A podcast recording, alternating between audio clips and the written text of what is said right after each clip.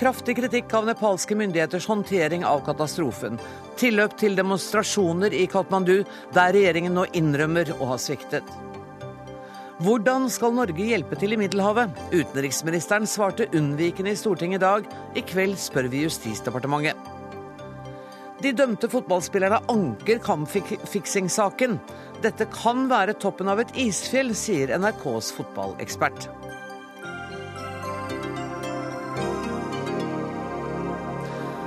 Dette er onsdagsutgaven av Dagsnytt 18, der vi også skal markere at i dag er 40 år siden Vietnamkrigen sluttet. Men aller først skal vi også i dag til situasjonen i Nepal. Myndighetene i landet har fått kraftig kritikk for håndteringen etter jordskjelvet. Det har vært tilløp til flere demonstrasjoner i Katmandu, og nå innrømmer altså myndighetene at de har gjort feil, flere feil i den tidlige fasen av redningsarbeidet.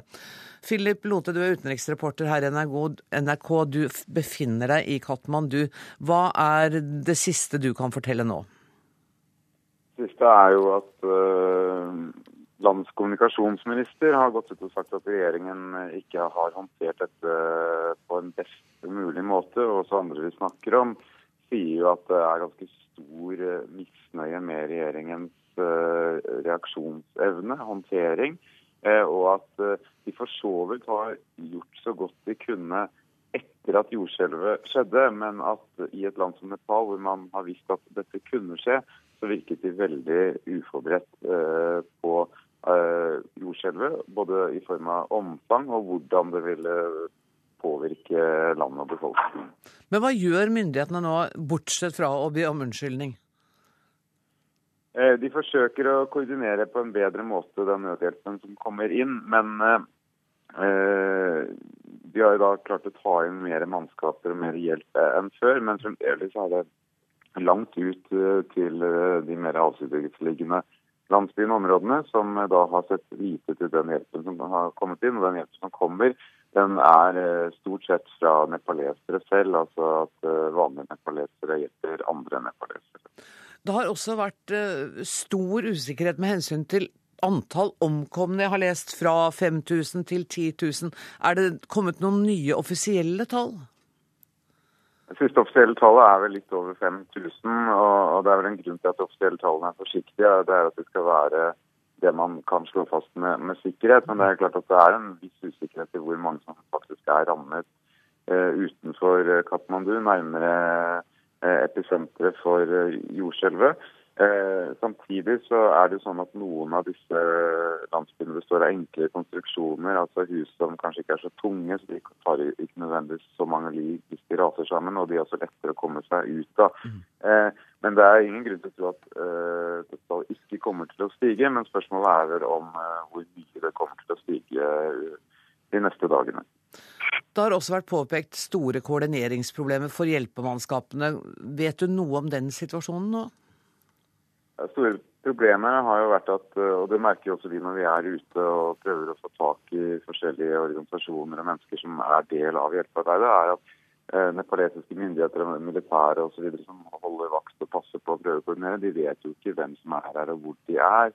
Eh, du må treffe akkurat på det, den porten til eh, det stedet hvor de har fått beskjed om å slå leir, for at noen skal vite om de er der eller ikke. Mm. Eh, så det er klart at eh, når det krever tid eh, for oss, så vil krever jo det også tid for andre. Eh, når det er sagt, så kommer jo dette norske teamet, dette norske laget Norstar, inn i dag.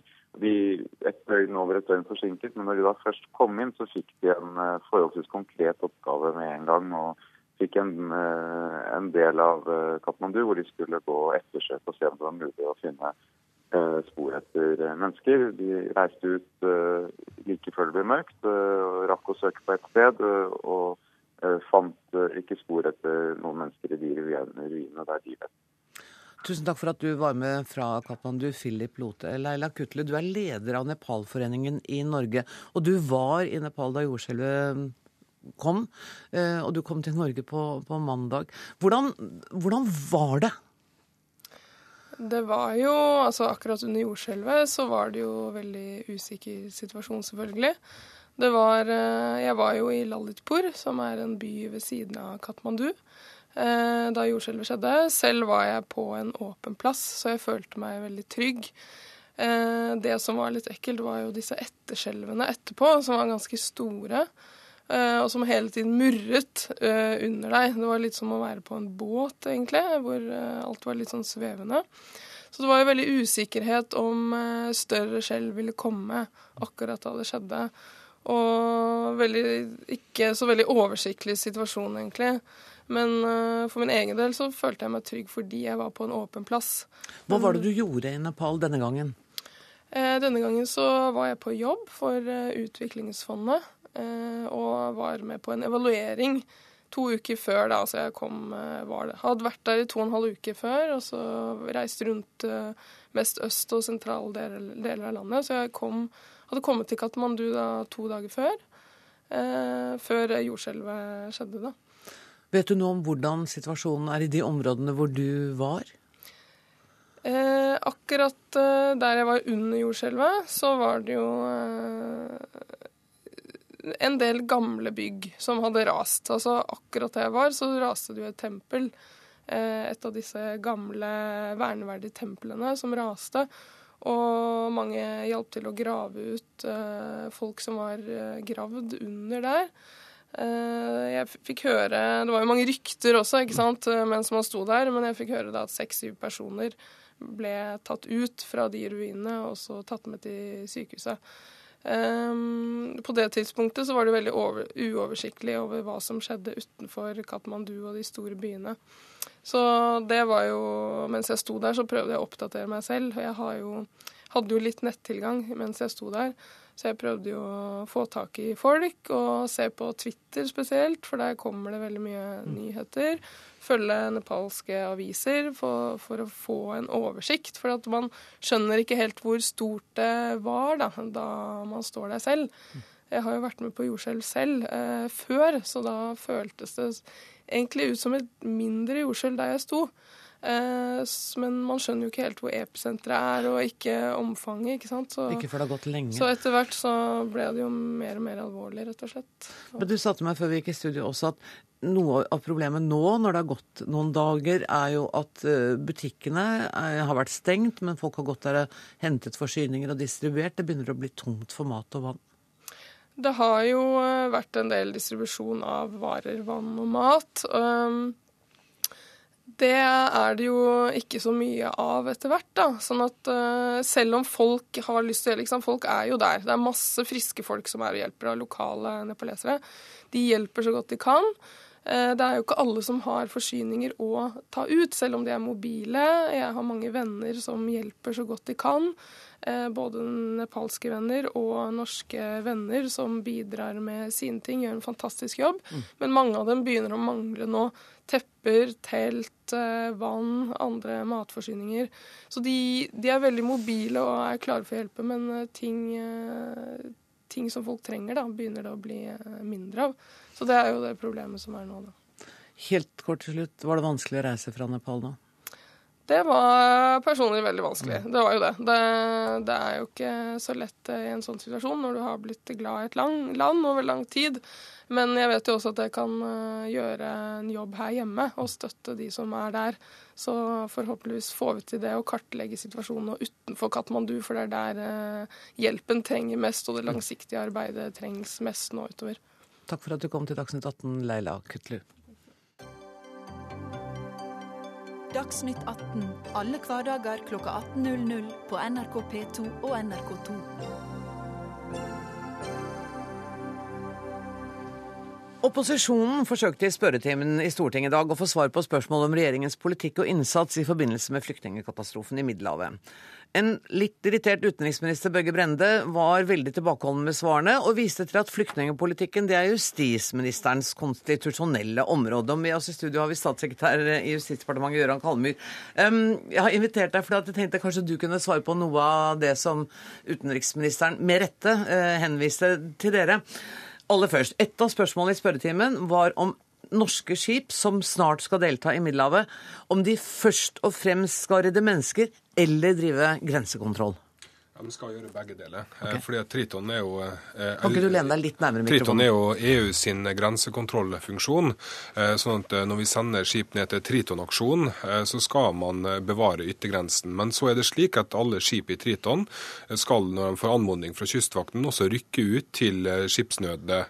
Og Derfor så vil det også bli utstrakt bruk av disse skipene til redningsaksjoner. Og når man ser på hva slags kapasitet disse skipene skal ha, når de skal ta imot 500 flyktninger f.eks., så er det åpenbart at dette her blir også gjort fordi at man skal redde liv. Men hvordan klarer man å gjøre begge deler med en og samme båt? Ja, det er altså slik at, eh, at man skal kunne ta opp eh, flyktninger for eksempel, som ankommer nær til Italia. Eh, så skal man ta dem inn til land, sånn at de blir registrert på en ordentlig måte.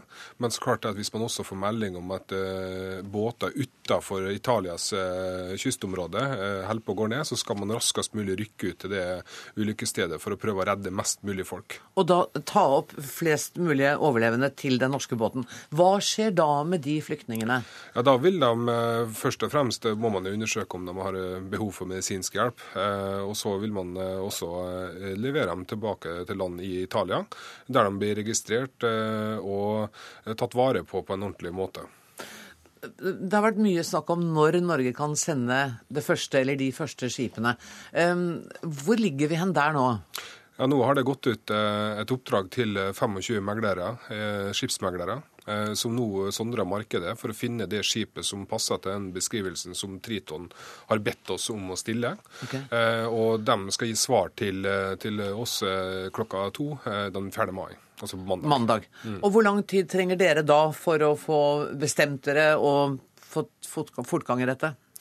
Ja, nei, Da må man se på hva som kommer inn av tilbud. Eh, så det er litt vanskelig for meg å svare nå eh, hvor fort det vil gå etterpå. Men vi snakker men, ikke måneder da? Nei, vi snakker ikke måneder. Nei. Det gjør vi ikke. Eh, kan ikke du bare for oss uopplyste si hva Triton er, hvis det går an å si det kort? Triton er en sjøaksjon utafor Italias kyst, som er i regi av Frontex, som er på en måte grensekontrollen til EU. Um, Arbeiderpartiet var blant eh, de pågående i Stortinget i dag. Erik Sivertsen, du er innvandringspolitisk talsmann for Arbeiderpartiet. Er du fornøyd med det du hører nå? Jeg er fornøyd med at regjeringa omsider har kommet på banen og etterspurt et skip. Men jeg er litt usikker på den inngangen regjeringa eh, har. Eh, fordi at det som trengs, og som har vært etterspurt, har jo vært skip i en humanitær innsats. Og det vi først og fremst får nå, sånn som statssekretæren her beskriver det, er jo mer grensekontroll. Eh, og så er det jo riktig at alle skip har jo en forpliktelse til å hjelpe mennesker i nød eh, til, havs. Men eh, Røde Kors for eksempel, er ganske tydelig på at det er jo grenser for hvor mye bistand de kan yte hvis dette er et skip som først og fremst er grensekontrollerende. Du vil ha stort innslag av f.eks. politi. Det andre som er en problemstilling som, som etterlyses av både hjelpeorganisasjoner og Rederiforbundet, er jo at skipene trengs å operere nærmere Libyas kyst, mens operasjonen Triton, som er grensekontroll, først og fremst patruljerer ut fra Italia sin, sin kyst. Så det her, sånn som det beskrives av statssekretæren i dag, så svarer det jo ikke på eh, den utfordringa vi har, og som er bakgrunnen bl.a. for at vi har fremma forslag i Stortinget. Kommer. Ja, nå eh, så det vel ut som at det forslaget fra Stortinget gikk ut på å nettopp sende skip til eh, Triton-aksjonen for å styrke den. Eh, men det er altså slik at det er jo ikke Norge som kan bestemme rekkevidden av Triton-aksjonen. Det er det EU som må ta beslutninger om. Og nå er det heldigvis slik at EU har virkelig satt dette problemet på dagsorden. De har kommet med ti punkter på hvordan man skal styrke redningsaksjonen også innenfor Triton, slik at man nå skal tredoble Triton for å få på plass mer skip der, slik at man er i bedre stand til å kunne kunne rykke ut og ha en bedre kapasitet til å redde flere menneskeliv. Og Det har vi i Norge sagt at det skal vi stille opp på. Eh, blant annet så har vi fremskynda også planene for å sende over skipet til Middelhavet. For på det tidspunktet, som var altså da før de fæle drukningsulykkene som var forrige helg, så hadde vi allerede eh, hatt en dialog med EU om å stille med skip etter 1.8. Men det blir framskynda. Til Triton, altså grensekontrollen. Men, men jeg, eh, jeg, tror at veldig mange med meg oppfattet at statsministeren sa at vi skulle sende skip. Så trodde vi at det dreide seg om skip som skulle ta opp flyktninger. Men det er altså ikke det det er snakk om? Jo, det er et skip som skal ta opp flyktninger. Men primært men, drive grensekontroll? Ja, men dette er jo ikke norskekysten, dette er den italienske kysten. Så vi må forholde oss til de myndighetene som faktisk bestemmer i dette området. Eh, og da er det slik at vi bidrar til det som nå er EU sitt program, både for grensekontroll, men også for å redde båtflyktninger. Og man har signalisert klart og tydelig nå fra EUs side at dette skal, dette skal styrkes for å redde flere liv. Og vi Vi er med på det, og vi kommer til å operere langt utenfor Triton sitt grenseområde for å redde liv. Sivertsen? Ja, men altså, dette, dette, er jo en demonstrasjon på passivitet. Altså, vi etterspurte i fjor vår initiativ fra regjeringa overfor EU for å eh, få til et europeisk eh, initiativ eh, på det her. Det har vært etterspørsel etter skip eh, veldig lenge.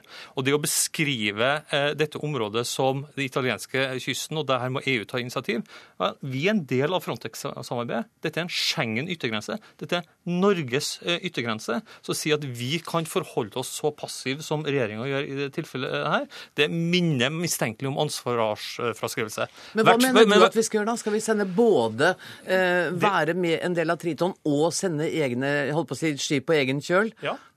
ja.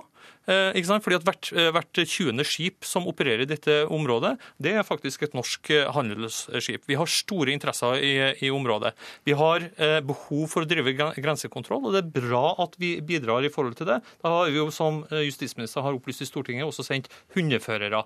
Nå sender vi også et skip. Men det utspiller seg en humanitær katastrofe.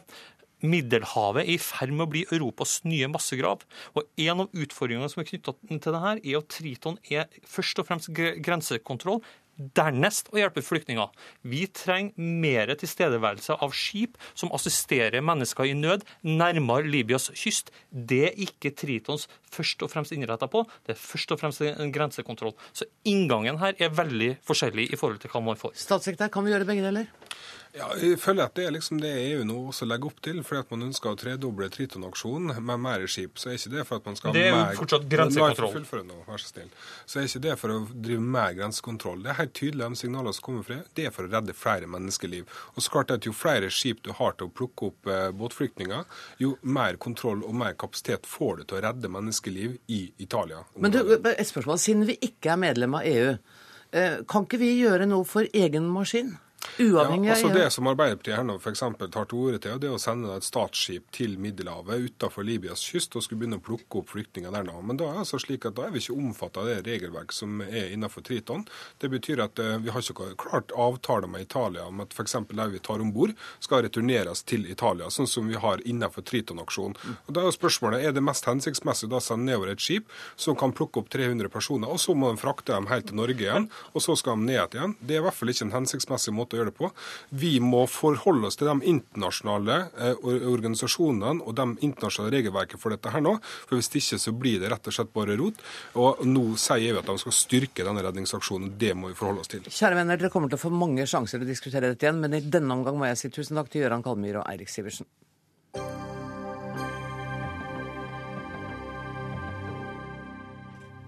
VimpelCom-saken ga viktig læring for Telenor. Det skriver konsernsjef Jon Fredrik Baksås i dagens Aftenposten.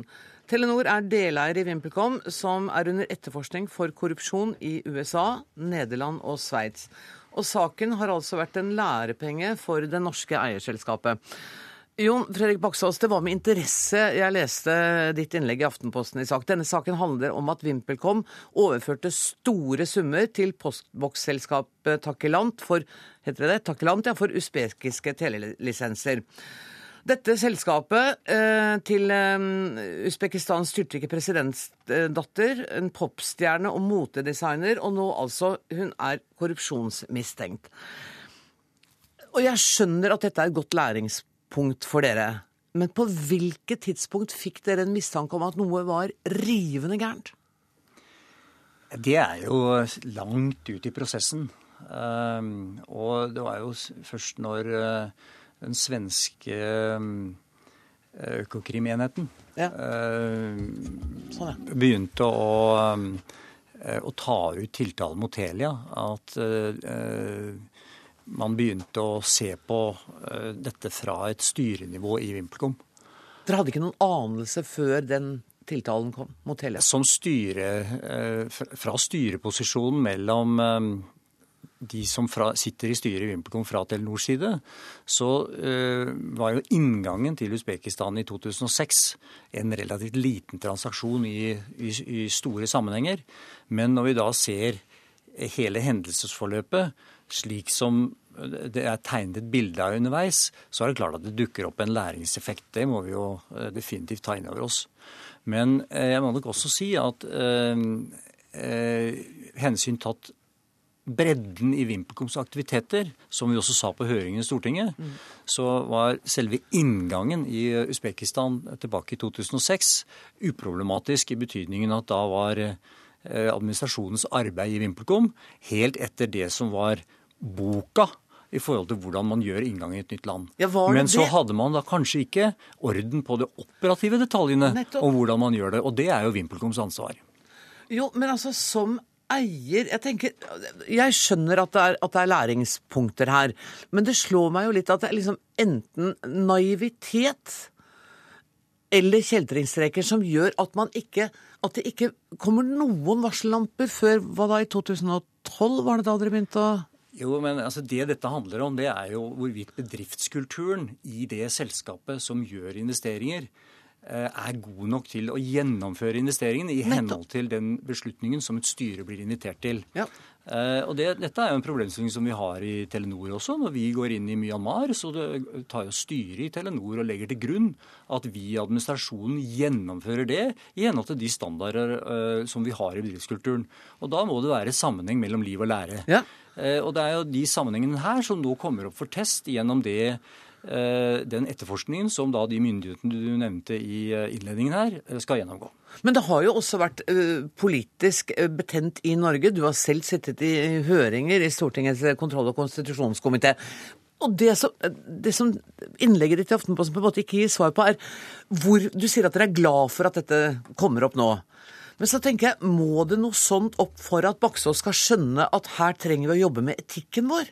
Nei, altså der eh, må jeg si at du strekker strikken langt. Okay. Etikken vår, og hva er da vår? Da er det Vimpelkom-selskapet. Eller er det Telenor? Jeg tenkte på For Telenor som eier i Vimpelkom. Telenors virksomhet i alle de land vi er i, der har vi gjennomgående prosesser for nettopp å unngå at denne type ting inntreffer. Det betyr ikke at vi er prikkfrie i enhver sammenheng, men det betyr at vi har veldig god øh, øh, gode systemer for å, for å forsøke å avdekke denne type ting underveis, og at vi ikke har den type holdninger i bedriftskulturen vår. Så er det et annet selskap som heter VimpelCom, som jo også må ha sin eh, gjennomgang av hvordan man gjør det rent operasjonelt. Og det er jo det operasjonelle som ikke kommer opp i dagslys før langt ut i hendelsesforløpet. Og mange transaksjoner har kanskje fått lov til å bygge seg på hverandre. Men har ikke dere som eier et ansvar for å ettergå også de operasjonelle sidene.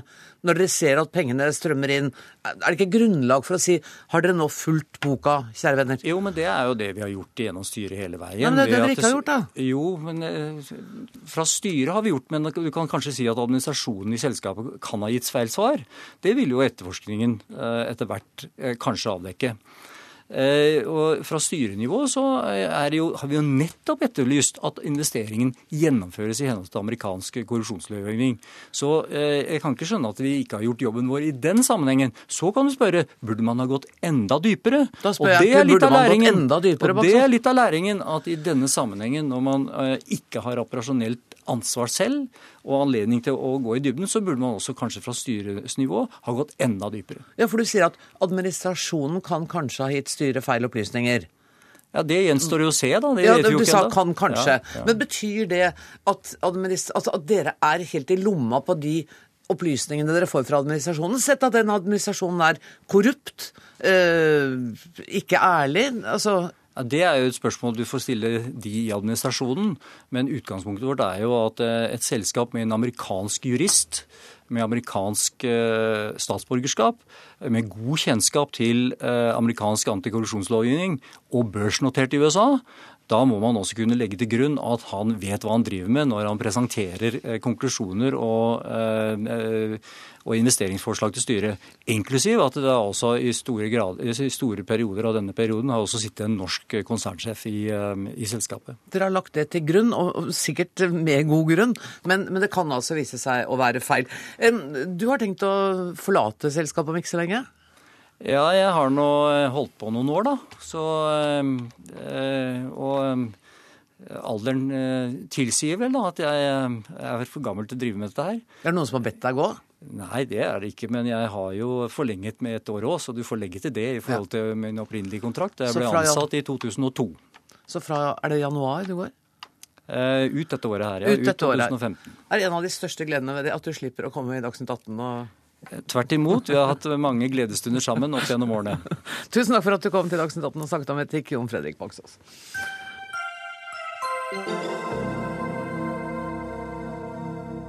Boko Haram kan være på tilbaketog. Nesten 300 kvinner og barn ble befridd fra den militante islamistiske gruppen i går ettermiddag.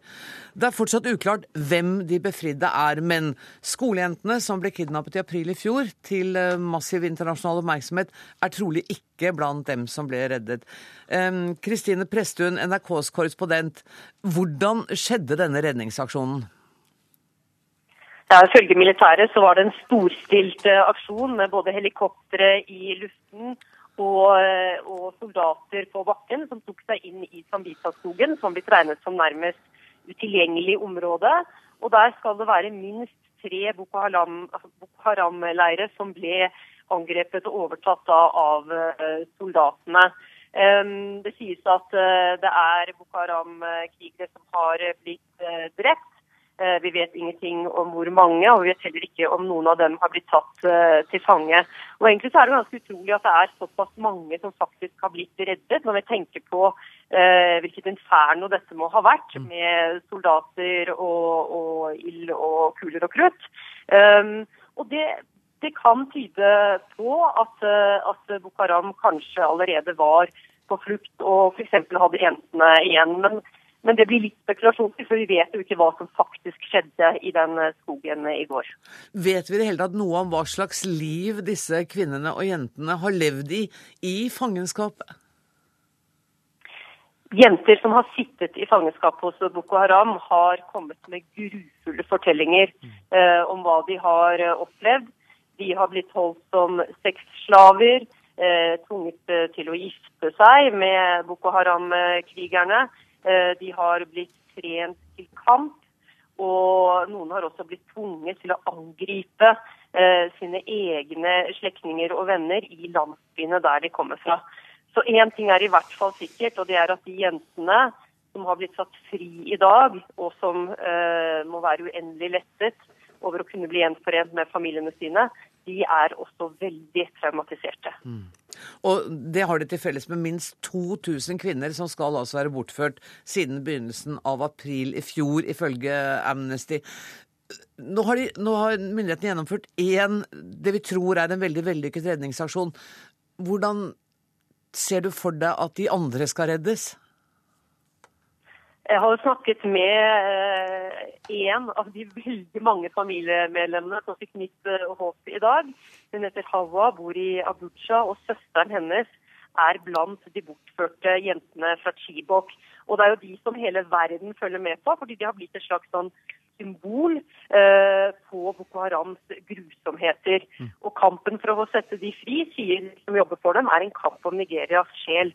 Og det hun sa, denne stakkars jenta som prøver på en måte å leve med sorgen og tapet over søsteren sin. Hun sa at sigelsen i dag har gitt meg nytt håp. Og hun håper fortsatt nå på at søsteren hennes kanskje kan være blant jentene. Fordi vi, får, vi har fortsatt fått litt sånn motstridende meldinger fra militæret. Eh, de holder på å intervjue disse jentene nå for å finne ut ordentlig hvem de er. Mm. Men de første meldingene som har kommet nå, tyder på at dette er trolig ikke 200 jenter fra Chibok, men at kanskje noen av dem kan være blant dem. Og Det som i hvert fall er sikkert, er at denne redningsstasjonen skaper et slags håp. Men så er det samtidig et faktum at hvis det militære sier stemmer, så har det nå vært gjennom ganske store områder som Boko Haram har eh, kontrollert og tatt de tilbake. Og da er det kanskje ikke så mange områder igjen. Ehm, men eh, de som kjemper for å få jentene frigitt, de gir ikke opp. Tusen takk skal du ha, Kristine Presttun. Morten Bøås, du er seniorrådgiver i NUPI. Ser vi her et tegn på at Boko Haram er på tilbaketog?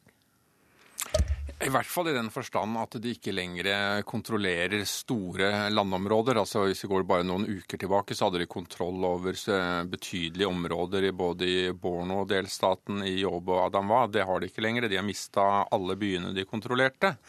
Men betyr det at bevegelsen er slått? Nødvendigvis ikke. Dette er en bevegelse som har eh, også tidligere tilpasset seg de strategiske si, omgivelsene de står overfor godt. Det kan nå være eh, at Boko Haram går tilbake til å være det de var for litt over et år siden. en geriljabevegelse som er en høyt mobil bevegelse, men ikke en bevegelse som satser på å kontrollere territoriet. Ok, Og den, ikke, den vil ikke være mindre farlig som en geriljabevegelse med høy mobilitet, som du sier? Nei, ikke nødvendigvis. Og det ser vi allerede noen tegn på. For at eh, dette som har skjedd i Zambesi-skogen, hvis det stemmer Og jeg tror vi skal vente litt med, å være helt sikre på hva som har skjedd der, før vi får noen mer uavhengige bekreftelser og rapporteringer. Men hvis dette, hvis dette, stemmer, så er det så klart et seier for den nigerianske hæren, staten, og eh, for um, og et tap for Boko Haram. Men samtidig så har Boko Haram også de seneste dagene vært involvert i harde kamphandlinger med, den, med hærstyrker fra Niger. For det er ikke bare den nigerianske hæren som er eh, involvert i denne kampen, også styrker fra Niger, Kamerun og Tsjad og påført antagelig styrker fra Niger et betydelig nederlag. Så okay, det er et blandet bilde her, og vi fikk også rapporter i går, før denne rapporten kom, om en massakre på en 15-20 menn som hadde prøvd å vende tilbake fra Maidiguri, som er provinshovedstaden hvor de har vært flyktninger, til en avsidesliggende landsby, for de skulle prøve å redde avlingen sin.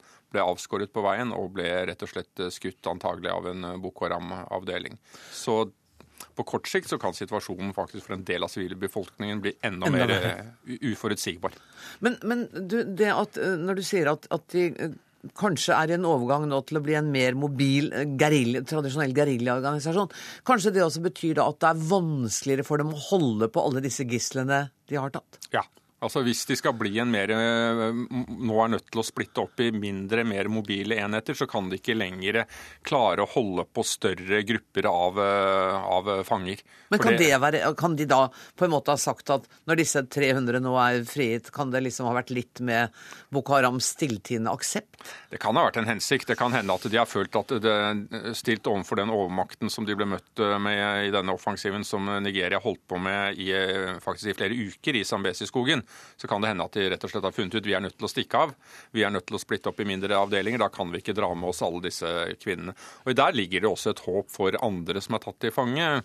Når det gjelder Skibukk-jentene, hvis de ikke er blant de som nå har blitt løslatt, så kan det stille seg noe annerledes for skibukjentene fordi de har blitt et internasjonalt symbol på hva som skjer i Nigeria, så har de også blitt, har fått en symbolverdi for Boko Haram. Mm. Så det kan tenkes at de kan, vil være villige til å slippe andre grupper, men de kan være mindre villige til å slippe disse. For det vil på mange måter bli et, stort ned, et symbolsk nederlag for dem, og et symbolsk seier for den nigerianske hæren. Men dette gjenstår å se. Helt kort til slutt. Det, hvis de nå, for Jeg hengte meg opp i det der med å bli en geriljaorganisasjon. Kan det også bety at de da slutter å ta nye gisler? Det kan hende, fordi at uh, igjen, altså det blir mye verre å holde på gisler over tid. For mm. hvis du skal holde store grupper av mennesker fanget over tid, så er du nødt til å ha mer faste baser. Du må ha et sted hvor du er over lengre tid, og det kan ikke en bevegelse som er nødt til å være høyt uh, mobil, være, uh, ha. Tusen takk for at du kom, Morten Bøås. Hør Dagsnytt 18 når du vil. Radio NRK Radio.nrk.no. Vi slår tilbake, vi går mot seier. Vi driver USA bort fra vårt land, gjennom farer, død og brann.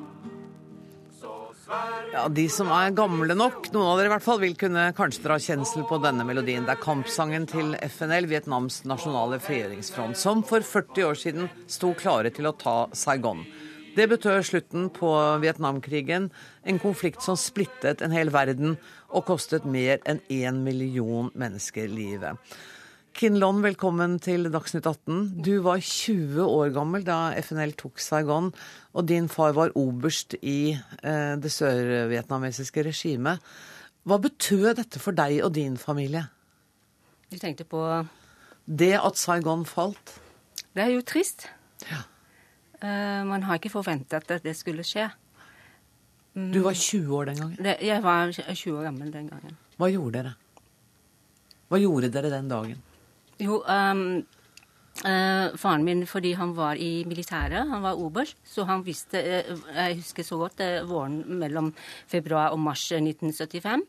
Og så fikk vi beskjed fra faren min at vi, må, vi måtte pakke. Og vi, skal, vi skulle flykte av landet. Eh, jeg skjønte ikke så veldig mye der. Jeg visste at det var krig, men, eh, men, eh, men så, så, så, fikk vi beskjed om å gjøre det. Og når det nærmer seg, nærmer seg begynnelsen av april, nesten i midten av april, så flykter vi. Mm. Hele familien. Hvor til da? Vi flykter fra Saigon til en by. En, en by i, langs Mekongdelta. Fordi, fordi det, nærmere, det, er en kyss, det ligger ved kysten. Og mm. så vi tenkte på at det, fordi det, det, nærmere, det ligger nære Kambodsja og Thailand. Hvis vi, vi var heldige å komme frem. Og dere kom til Thailand? Vi kom til Thailand. Og Hvordan kom dere i, kontakt med den norske ambassade? Altså, Hva skjedde videre? Uh, uh, vi, vi, fikk ikke reise sammen. Uh, vi måtte splitte. faren min reiste sammen med to av, to av mine brødre i en, i en, fiskebåt. Og jeg I en fiskebåt fra Mekongdelta til Til Thailand. Og jeg og min mor og to andre søstre reiste i en annen fiskebåt etter Eh, vi fulgte etter. Det var fullt av mennesker der vi kom. Hvordan var forholdene om bord i fiskebåten? Og det var helt trangt. Det, var, det manglet mat og vann og veldig dårlig kår. Altså. Men, eh, men, vi tenkte ikke så veldig mye den gangen. Det eneste vi tenkte på, var å, å flykte herfra. Liksom. Så, så far, faren min kom først til, eh, til, til, til, bank, til Thailand. Og grunnen at, det, grunnen at På veien til, til Thailand så ble ble, eh, båten, eh, ble han tatt opp av det norske eh, skip som heter Hemmelin. Og så han, kom han til Norge? Så kommer de til Thailand, så ble, det, ble de satt av av, av den norske ambassade i Thailand. Så det var grunnen til at vi kom til Norge. Vi skal snakke med Kjell Øystein Resi, som var NRKs korrespondent i Saigon i april 1975. Du er med oss på telefon fra Tyskland. Fortell om de dramatiske aprildagene, sånn som du opplevde der hvor du var? Ja, det var jo eh, ikke bare FNL, men nordvietnamesiske styrker mm. med både panser og, eh, og masse soldater som eh, i dagene før den 30. april hadde da rykket stadig nærmere hovedstaden Saigon. Og dette Eh, førte da til at amerikanerne satte i gang eh, sin evakuering av ambassaden og, og, og, folk som hadde stått dem nær. Og der var også utenlandske journalister med i denne, denne eh, evakueringen. Det kom mye raskere enn man hadde regnet med, og flyplassen ute for byen var jo da under beskytning, slik at eh, evakueringsplanene måtte, måtte endres. Det ble landsatt eh, marinesoldater fra flåten, den sjuende flåten ute i Tonkingbukta. Og helikopter ble satt inn fra en tennisplass ute ved flyplassen. Og der kom også jeg sammen med en rekke pressefolk med i denne evakueringen, eh, som da eh, skjedde eh, i løpet av noen timer. Mm. Føltes det som om det var i siste liten? Det var absolutt i siste liten, fordi at flyplassen ble beskutt av 130 mm granater. Og nedslagene var jo overalt der. Men jeg hadde inntrykk av at uh, disse store helikoptrene fra den sjuende flåten fikk operere i fred rundt denne, denne, tennisplassen hvor de kunne lande. Og der var det såkalte Pentagon East, det var den amerikanske hærens underjordiske hovedkvarter mm. under hele Vietnamkrigen. Og der lå vi da Eh, flat i korridorene der under og ble kommandert ut eh, i puljer til mm. å gå om bord i disse helikoptrene. Jeg tror nok at eh, den nordvietnamesiske hærledelsen var oppsatt på at denne evakueringen skulle skje i ordnede former. De var ikke innstilt på å ydmyke amerikanerne ytterligere. Og, og, eh, men lot denne skje før de altså rykket inn i selve byen den 30. Eh, april. april. Uh, Gunnar Høydahl, velkommen i studio. Uh, siden det i 1975 ikke fantes mobiltelefoner, så ble det uh, Du overtok da Kjell Øystein Resi reiste ut, så dro du til Hongkong og rapporterte videre derfra. Vi skal begynne med å høre et lite kutt fra den rapporten. Jeg er helt sikker på du husker den. Det er rett etter at president Dang Wan Min hadde holdt sin kapitulasjonstale. Reaksjonen etter presidentens tale viste seg snart. Hvite flagg ble hengt ut fra regjeringsbygningene inne i Saigon. Sørvietnamesiske soldater skiftet til sivile klær, FNL-flagg kom til syne, og etter kort tid kjørte de første stridsvognene med FNL-soldater inn i Saigon og tok stilling inne på presidentpalassets område. Saigons befolkning er lykkelige over å ha unngått det marerittet som et militært oppgjør om byen ville ha blitt. Vietnamkrigen er altså slutt, 30 år etter at den begynte som et opprør mot franskmennenes kolonivelde. Mannen som ledet det i begynnelsen, Ho Chi Minh, skal få sitt navn minnet ved at Saigon skal oppkalles etter ham, ifølge en kunngjøring fra FNL i går. Hvordan var det å høre det igjen, Gunnar Høydahl? Jo da, det, jeg husker jo. Eh, jeg husker også det som du ikke tok med, nemlig jeg avsluttet den rapporten med at det ble seier, seier for til FNL. Vet du hva, Det fortalte jeg redaksjonen i dag, for jeg ja, satt i bil, ja, og dette var i ekko på radio, og da husker jeg at, at, du sa det. Ja, Men så er det riktig som Kjell Jøstein Reise sa, at det var jo ikke bare FNL, Nei. det var nordvietnamesiske styrker. Så det var ikke FNL som seiret. Nei. Det var snarere det nordvietnamesiske regimet, og som da overtok makten i hele Vietnam i praksis eh, etter kort tid. Eh, du dekket dette fra Hongkong, for du kunne jo ikke reise inn til eh, Saigon på det tidspunktet. Hvordan preget det som skjedde i Vietnam, Vietnam, også Hongkong. Det preget jo i veldig sterk grad. For det første så var jo Hongkong da base for nesten alle de korrespondentene som dekket Vietnamkrigen. Eh, og de hadde jo forlatt byen. Jeg skulle komme over for å se etter skole og, og, og leilighet for familien ja, og møte Kjell Jostein Resi, som da hadde, hadde, reist hals over hode til Saigon og som eh, måtte komme ut. Eh, men det pregte også på den måten at båtflyktningen, som vi har hørt allerede, de begynte jo å komme. Så tidlig i mai, jeg tror det var en 3. eller 4. mai, så kom den danske båten Clara Mersk inn på havna i Saigon. Da hadde de plukket opp flyktninger i i Sør-Kina-elva. Det var en ganske liten lastebåt, og det var 3000 flyktninger om bord på den der. og Dermed startet denne enorme tragedien som båtflyktningene var. Man regner vel med at eh, kanskje en million mennesker forsøkte å flykte i løpet av de nærmeste fire, fem, seks årene. Og mange av dem kom til Hongkong? At, ja, mange av dem kom til Hongkong. Andre kom til, til andre steder i Sørøst-Asia og var ikke velkomne etter hvert. De, de ble avvist, mange av dem. Eh, men etter hvert så ble det orden på det, og USA tok jo veldig mange. Men man regner jo også med eh, at 800 000 eh, flyktninger etter hvert kom til, til disse stedene. Men mange hundre tusen flyktninger omkom i Sør-Kina. Enten at de druknet eller ble tatt av pirater. Det var en enorm tragedie.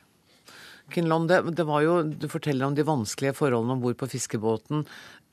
Kan du huske at du som 20-åring var redd for at du skulle dø der ute? på Ja, det gjør jeg. Um, uh, kan du tenke deg en liten fiskebåt uh, fullt av mennesker? Uh, barn også. Um, jeg tenkte, jeg tipper at den fiskebåten kanskje den kan romme kanskje 30 eller 40 stykker, men så, så var det over 300. Over 300 om bord? Ja.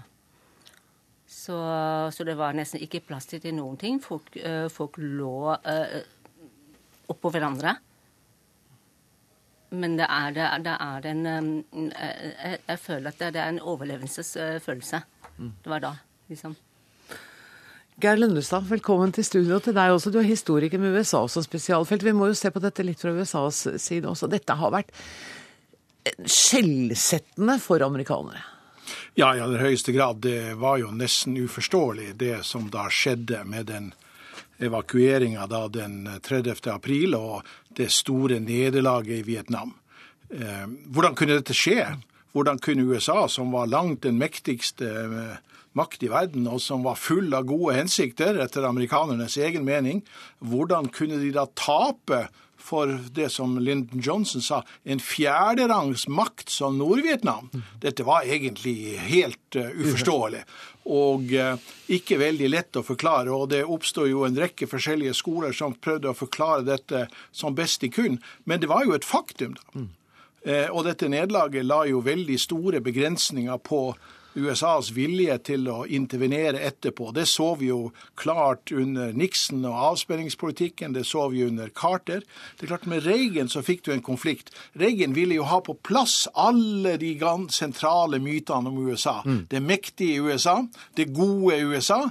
Men også han skjønte at han måtte holde seg unna større militære engasjement. Så det han invaderte, det var jo land som Grenada, som vi knapt kan lokalisere på kartet.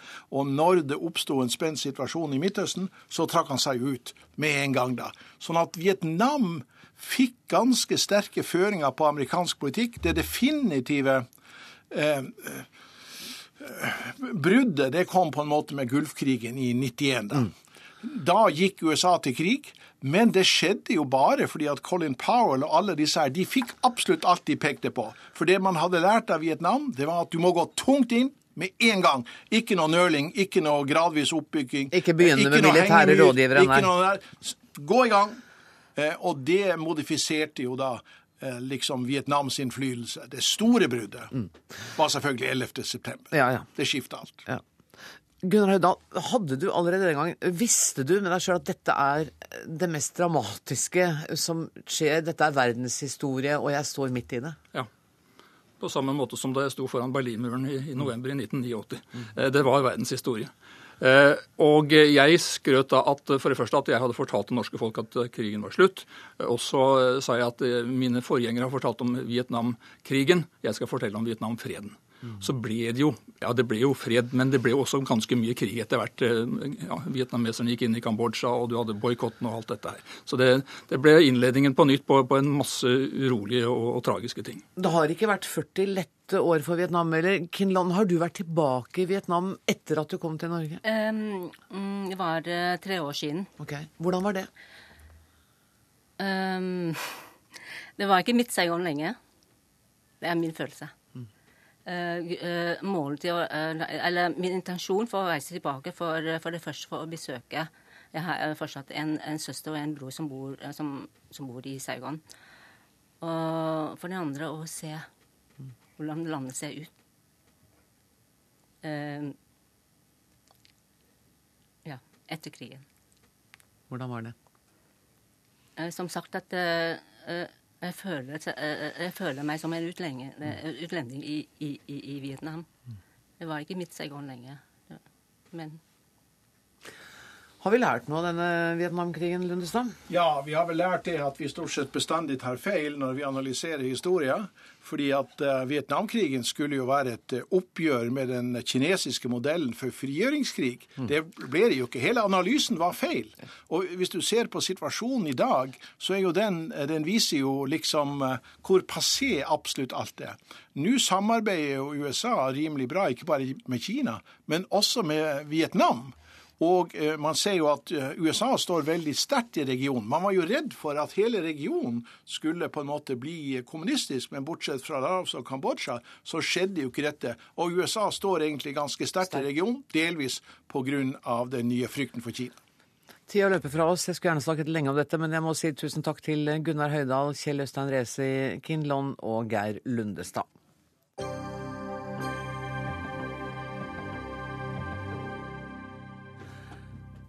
I ettermiddag kom dommen i den såkalte kampfiksing-saken. Det er første gang i norsk fotballhistorie at noen er dømt for kampfiksing. Tre av fem siktede fotballspillere ble dømt for å ha tjent penger på å ha tapt en kamp med vilje. Også en bakmann ble dømt, og alle fire har allerede anket eh, dommen. Yngve Hallén, fotballpresident, hva viser denne dommen? Det viser jo først og fremst at, eh, at når vi tok eh, aksjon, aksjon når eh, denne saken kom opp, og sa at dette her måtte vi gå videre med. Dette måtte vi få prøvd eh, overfor politiet, og de fikk se om de kunne bringe det inn for retten, at det var rett. Og Det viser jo også at det vi har hatt mistanke om, om at det foregikk lavere nivå, ting vi ikke kunne være bekjent med i vår idrett, var rett. Du sier til VG at dommer vil være til hjelp framover. Hva vil dere bruke denne dommen til? Dommen, det, det at det hele tatt eh, ble en sak, ble stor oppmerksomhet i media av det. At politiet ikke henla saken pga. for få ressurser eller bevisets stilling, men førte han hele veien fram, det vil være avskrekkende.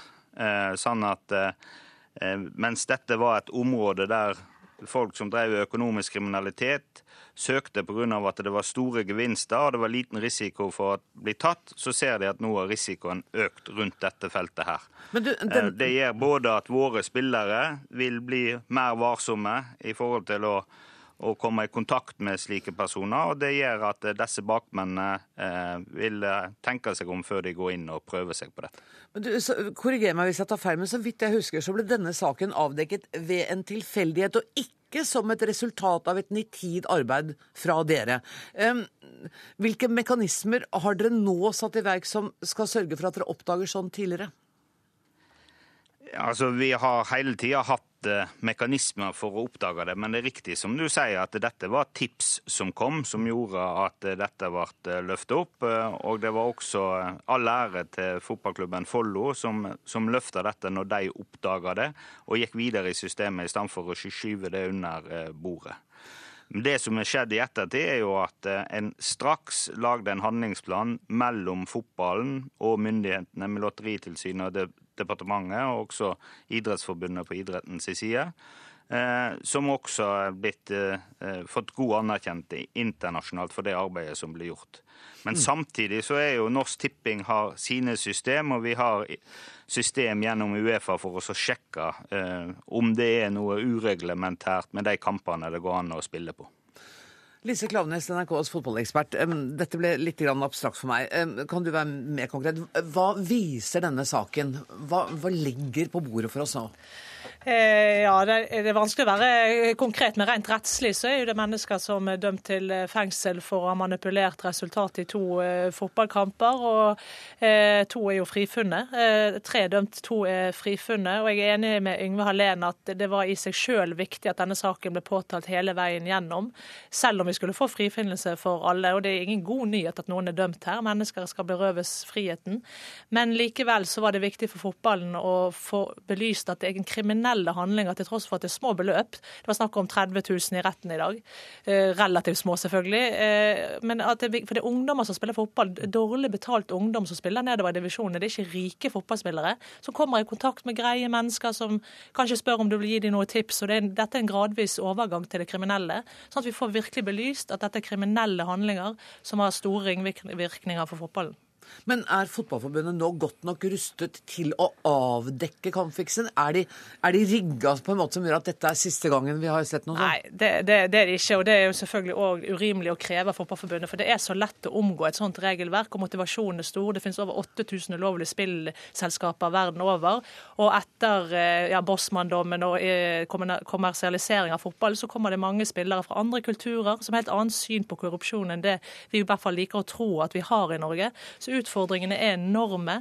Men jeg må jo si, eh, Hallén sier at det har vært mekanismer i Fotballforbundet før, og det har det helt sikkert vært. Men jeg har jo spilt ja, nesten 20 år sjøl i toppfotball. Jeg har aldri hørt snakk om noe. Jeg har aldri blitt bevisstgjort hva jeg skal gjøre hvis noen tok kontakt med meg. Og når det er sagt, så har heller aldri noen gjort det. Jeg har aldri hørt om det. Nei, det tror... er ikke så rart. Hvem, hvem går til juristen og sier du Nei, har det kan du si. Men, men damefotball kunne vært et, et veldig attraktivt mål, fordi det er lite profilering rundt våre kamper. Mm. Så jeg tror faktisk at med empirien litt i hånden at dette er et problem som har kommet litt de seinere årene, faktisk. Mm. Espen Oseter, kommentator i Dagbladet, du skrev i en kommentar at fotballen slåss i rettssaler over hele Europa. Det er helt nødvendig. Alternativet er å gi opp fotballen som konkurranseidrett. Ser du at det er noen alternativ i det hele tatt, egentlig? Nei. Helt ærlig. Jeg sitter her i, Se åssen du ser ut. Konkurransedrakt rett fra trening på akkurat samme nivå som har vært i rettssaken i dag. Nettopp. ikke sant? Nivå nummer tre da, i, ja. i Norge. Så det er det ikke. Altså Fotballen kommer til å eksistere. Men, men da er de nødt til å gjøre noe? Det er vi nødt til å gjøre noe. Eh, og det gjøres jo. Altså okay. det, det tror jeg vi skal si helt klart. Det gjøres massevis internasjonalt. Senest nå så var det jo IOC, altså Internasjonale olympiske komiteen, som var ivrig for å, for å lage en egen tipstelefon og, ta, og hjelpe Fifa, altså Internasjonale fotballforbundet, med denne kontrollen. Så kontrollen bygges ut i land etter land. Men vi må skjønne at det er så stor idrett, og det er så mange penger der, og det er så mange aktører, at det er vanskelig å kontrollere. Eh, jeg skriver f.eks. i dag om, eh, om, den saken som pågår nå i Spania, hvor ja. altså klubbledere på det øverste nivået er involvert i pengetransaksjoner. Altså de får spillerne sine muligens da til å bli med og få ut kontanter ved å overføre midler til sine egne spillere, slik at man har kontanter til å betale til motstanderens spillere. Og nå snakker vi om kontanter som blir til 7 millioner kroner for at et lag skal vinne den siste avgjørende kampen. Og da er jo råttenskapen kommet inn i sjelen, inn hos lederne våre. Og der er det ikke Norge. Altså Jeg tror det er viktig at vi skjønner at dette er et begrenset miljø foreløpig.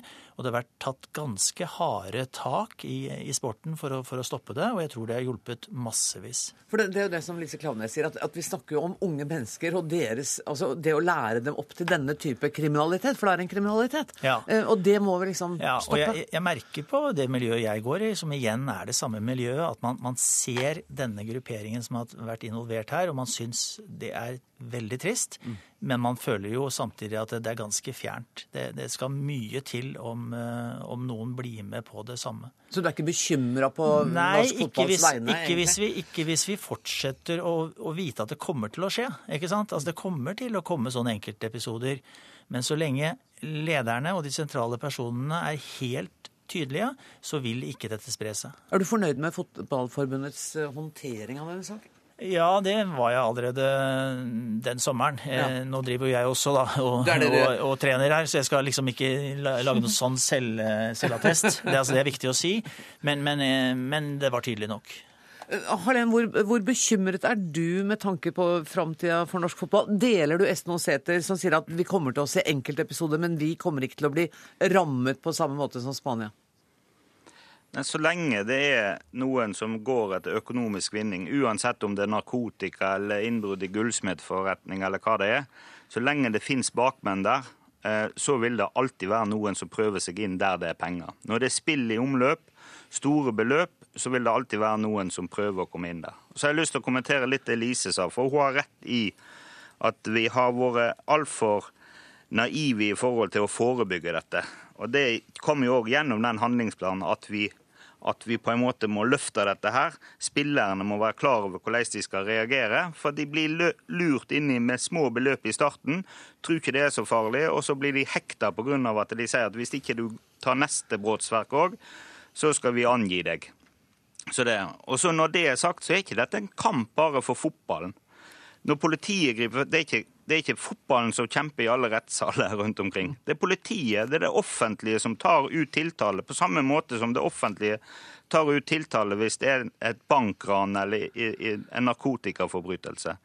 Og Det er veldig viktig i denne saken. Det som politiet har gjort, at de faktisk har grepet fatt i saken. At myndighetene, myndighetene har vært med og sagt at dette er vårt ansvar. Samtidig som at fotballen må må hjelpe til, lage det vanskeligere for folk å bryte seg inn hos oss for, med økonomisk kriminalitet som, som mål. Og det er bl.a. din oppgave. Men Lise Klanes? Ja, jeg, jeg bare tenker at Fotball har jeg helt enig med Alene. Det er selvsagt påtalemyndigheten skal påtale disse sakene. Men fotball har et ekstra ansvar både ved at det, Dette er jo på en måte menneskehandel, litt flåsete sagt. Vi henter mennesker fra helt andre kulturer. Unge mennesker som kanskje blir vraket, kanskje får mye lavere lønn enn de hadde tenkt. Så de har en skjebne som gjør at det lett kan fristes. Og poeng nummer to, hele idretten er sponset av spill.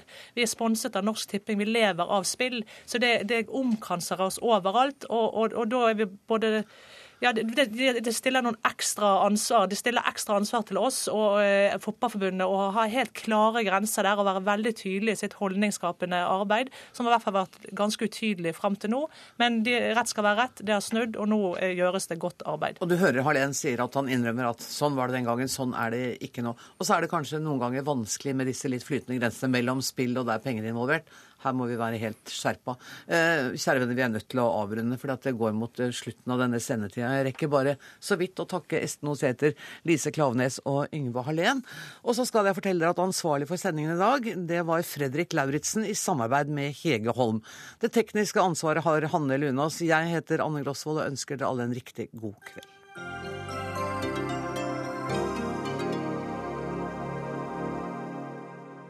Hør flere podkaster på nrk.no podkast.